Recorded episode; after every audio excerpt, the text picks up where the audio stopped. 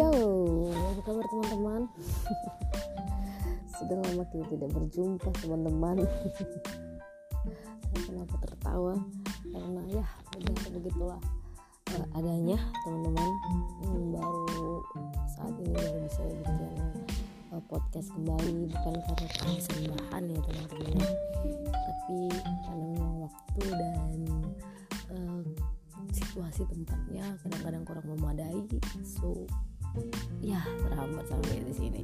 Nah teman-teman untuk pembahasan kita hari ini saya percaya teman-teman sangat terberkati dengan podcast podcast sebelumnya. Nah uh, di podcast sebelum ini ya teman-teman ya tahun lalu pasti Happy Year juga ada. Sebelum ini tuh uh, ada bersambung tentang berbahagia dan itu akan berlanjut terus continue terus. Um, namun pada saat hari ini saya akan membahas tentang um, hukum dan kasih. Teman-teman kenapa saya bahas tentang hukum dan kasih ini? Karena untuk saya pribadi hukum dan kasih ini sangat memberkati saya pribadi. Nah uh, kita udah bahas mengenai ini berkelanjutan dan ini salah satu bagian yang paling memberkati bagi saya. Di tahun ini kita akan membahas tentang berjalan tinggi di atas rata-rata. Uh, gimana caranya? Apa yang harus dilakukan? Nah teman-teman boleh lihat di ulangan 6 ayat 5 demikian firman Tuhan boleh juga didengar ya kasihilah Tuhan Alamu dengan segenap hatimu dan dengan segenap jiwamu dan dengan segenap kekuatanmu. Dan di Imamat 19 ayat 18 janganlah engkau menuntut balas dan janganlah menaruh dendam terhadap orang-orang sebangsamu melainkan kasihlah sama manusia seperti dirimu sendiri. Akulah Tuhan. Demikian firman Tuhan. Teman-teman boleh lihat lagi boleh baca lagi di ulangan 6 ayat 5 dan Imamat 19 ayat 18 nah teman-teman mungkin sebentar uh, hari ini kita akan melihat dalam perjanjian lama untuk mengerti di mana kita menemukan pemahaman untuk menyimpulkan seluruh hukum Taurat ke dalam ke dalam hanya dua perintah. Jadi kalau teman-teman boleh tahu uh, boleh ingat Tuhan uh, sampaikan untuk kasihlah Tuhan dengan segenap hati, dengan segenap jiwa dan akal budi dan kasihlah sama manusia seperti dirimu sendiri. Nah, ini adalah merupakan salah satu acuan yang Tuhan beri bagi kita sebagai alat atau sebagai fondasi di mana kita akan berjalan di atas rata-rata tahun ini. Uh, bahwasanya ketika Tuhan ngasih hukum ini, ini adalah kesimpulan dari hukum Taurat itu sendiri dan Tuhan sendiri Yesus sendiri datang untuk menggenapi ya bukan meniadakan tapi menggenapi hukum Taurat yang Tuhan kasih. Itu dia mungkin di hari yang uh, mungkin di hari ke depan atau hari-hari yang uh, yang akan datang saya akan bahas tentang uh, sebenarnya ya memang Tuhan datang ke dunia ini Yesus datang ke dunia ini bukan meniadakan hukum Taurat tapi menggenapinya. Karena kalau berbicara tentang hukum Taurat itu adalah hukum yang harus di, uh, dijalankan, ditepati dan tidak boleh dilanggar. Sedangkan Yesus datang bukan untuk melanggarnya, tapi memperlengkapi kalau bahasa kita. Kenapa? Karena di sana ada kasih, ada pengampunan dan yang lainnya.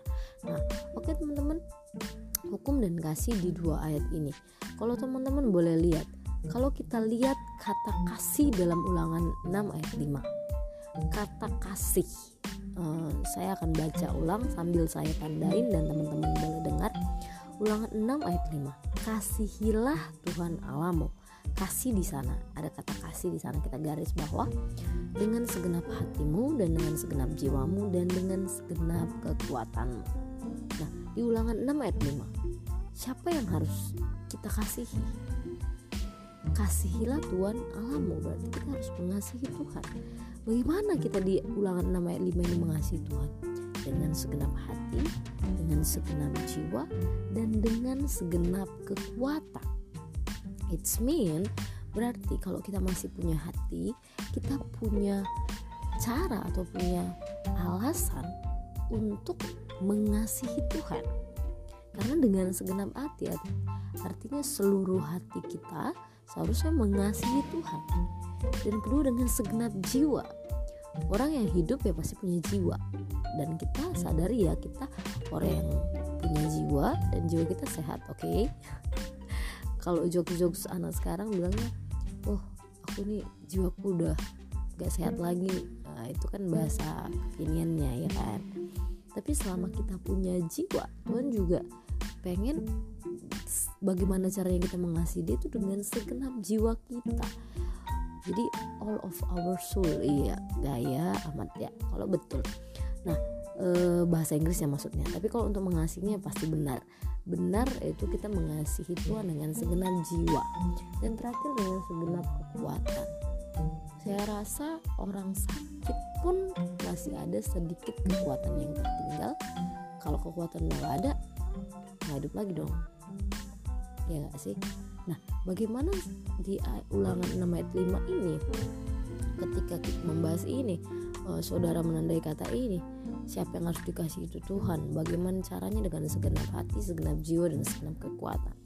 Pertanyaannya sudahkah? Ya kan? Nah selanjutnya apa maksudnya? Kenapa harus dijelasin? Uh, kita tuh harus diingatin kembali ketika kita mau berjalan di atas rata-rata kita harus diingatin kembali dengan mengasihi Tuhan dengan segenap hati, segenap jiwa, dan segenap kekuatan kita. Ya, namanya mengasihi ya teman-teman. Mungkin di era zaman sekarang itu um, mengasihi itu udah pakai banyak syarat.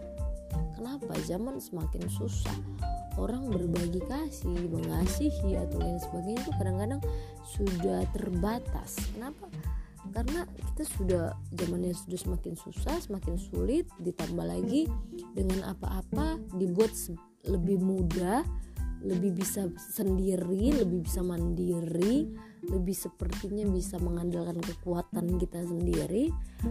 Akhirnya kita susah untuk mengasihi yang sebenarnya yaitu Tuhan yang menyanggupi kita yang memampukan kita yang mengasihi kita bahkan waktu bahas tentang mengasihi Tuhan ini saya berpikir dengan begini teman-teman. Karena situasi yang agak sulit ini kadang-kadang orang malah berpikir oh Tuhan itu nggak ada. Kenapa? Aku susah. Aku sedang uh, tidak baik seperti itu.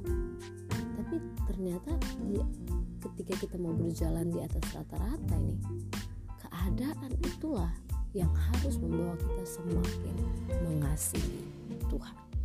Mengasihi dengan segenap hati. Ketika kita belajar mengasihi Tuhan dengan segenap hati. Berarti di situasi apa pun dalam hati kita kita harus mengasihi Tuhan. Nah bayangin ya teman-teman.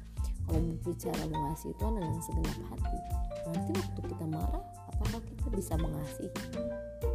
Seharusnya karena kita ambil komitmen atau ambil fondasi tentang mengasihi Tuhan ini menjadi dasar kita dengan segenap hati ini.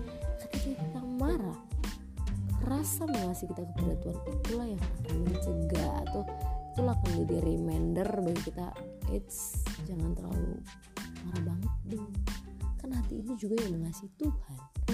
Nah ketika kita mengasihi Tuhan kita mengerti Tuhan itu mengasihi loh Tuhan itu mengampuni loh Tuhan itu mau ngalah loh Tuhan itu That's mean mengasihi Tuhan membawa kita untuk berjalan di atas rata-rata.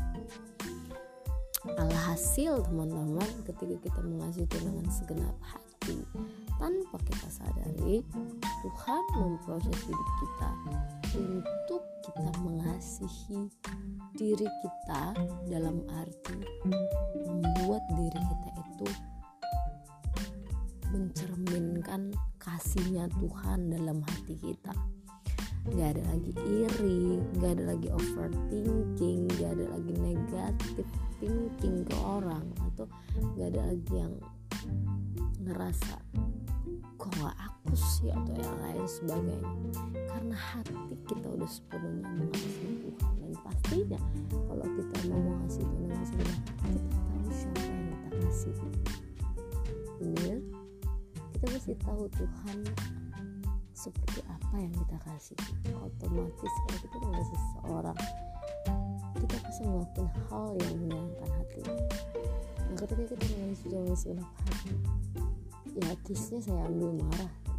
Kita akan coba untuk memahami supaya kita tahu Tuhan yang kita kasih juga mengasihi. Kita situasi yang sangat buruk sekalipun dia akan mampu jadikan yang terbaik atau membawa kita ke arah yang lebih baik ketika hati kita memang dasarnya mengasihi Tuhan.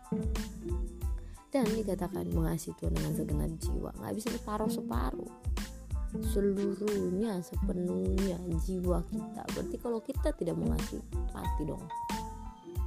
Itu harga matinya. Karena segenap jiwa dan segenap kekuatan selagi bisa semampu kita kita akan jadikan mengasihi Tuhan itu jadi prioritas kita. Oh aku di posisi bener nih. Itu salah sekali. Dia tuh nggak sesuai logika lagi. Dia tuh udah seperti ini seperti ini tapi dengan kekuatan kita untuk menyadari bahwasanya kita mengasihi Tuhan yang mengampuni kita mengasihi Tuhan yang oke okay jangan lakukan lagi kita mampu untuk dengan kekuatan yang mungkin agak tipis-tipis sedikit untuk mengerti bahasanya oke okay lah. Tapi jangan lakukan lagi. Karena hati jiwa dan kekuatan kita sedang terpaut kepada dasar yang mengasihi Tuhan. Itu maksudnya mungkin teman-teman uh, lebih pahami. Mungkin saya boleh ajak sedikit um, share ini tapi bisa uh, menjelaskan dalam sharing ini tapi uh, saya percaya teman-teman pasti waktu saya kasih contoh itu teman-teman ada, ada sesuatu case yang masuk ke dalam hati teman-teman. Sekali atau mengalami atau seperti kayak diingatin oh ya benar juga ya aku kan mengasih Tuhan nggak seharusnya aku gini. It's okay. Selama firman Tuhan yang mengkoreksi kita fine tapi kalau ada orang atau yang lain kan mungkin agak sedikit lebih mainstream mungkin agak kena mental sedikit. Tapi kalau udah firman Tuhan yang koreksi kita kita harusnya bergembira karena? Tuhan sendiri yang sedang mengkoreksi atau membenahi kehidupan kita. Nah selanjutnya di ayat yang kedua tadi Imamat 19 ayat 18 teman-teman. Saya baca sekali lagi Janganlah engkau menuntut balas dan janganlah menaruh dendam terhadap orang-orang sebangsamu. Melainkan kasihlah sama manusia seperti dirimu sendiri. Akulah Tuhan. Nah, siapa yang dikasihi di sini? Kalau kita mau tandain ada satu kata kasihi di situ yaitu kasihilah sesamamu manusia seperti dirimu sendiri. Wow. Ini yang paling berat ya. Karena yang siapa yang harus kita kasihi di sini? Sesamamu manu, manusia, teman-teman Nah, bagaimana cara kita mengasihi? Di ayat 19 ayat 18 ini jelas katakan jangan engkau menuntut balas. Jangan menaruh dendam. Nah, ini yang paling sangat mainstream sekali. Jangan nuntut balas, jangan menaruh dendam. Kenapa harus seperti ini? Kenapa harus melakukan dalam mengasihi Tuhan gak pernah minta kita balas. Tuhan lebih dulu mengerjakan dan Tuhan kasih kita choice kita mau ketika kita terima kasihnya Tuhan kita mau bagaimana? Kita akan kembali mengasihi dia atau kita menyanyiakan kasihnya yang berkelimpahan atas hidup kita? Nah kenapa dikatakan mengasihi sama dan jangan menuntut balas? Kalau kata menuntut balas ini di saya pribadi lebih ke arah kalau kita udah bikin baik ke orang itu kita nggak usah langsung rim apa ingat itu kayak aku udah bisa bikin baik nih sama ya aku harus bikin baik nih sama hmm, nggak gitu nih kalau menurut saya.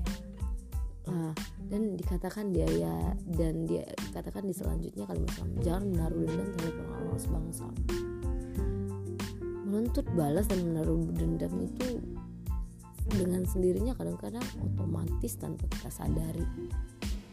Dan firman Tuhan bilang kasihlah sama manusia seperti dirimu sendiri. Saya pikir kalau kita bisa bilang ya, saya baik loh. Saya ini loh. Selama kita masih dengan ego kita. Saya nggak pernah nyusah loh saya nggak pernah gini-gini kok. Saya minta yang wajar-wajar aja. Tapi kenapa seperti ini? Tapi kenapa seperti ini? Jangan menuntut balas. Tenangkan diri dulu. Sabar dulu. Selama kau mengasihi Tuhan Tuhan tahu waktunya. Tapi dirimu harus merelakannya untuk mengasihinya seperti dirimu sendiri.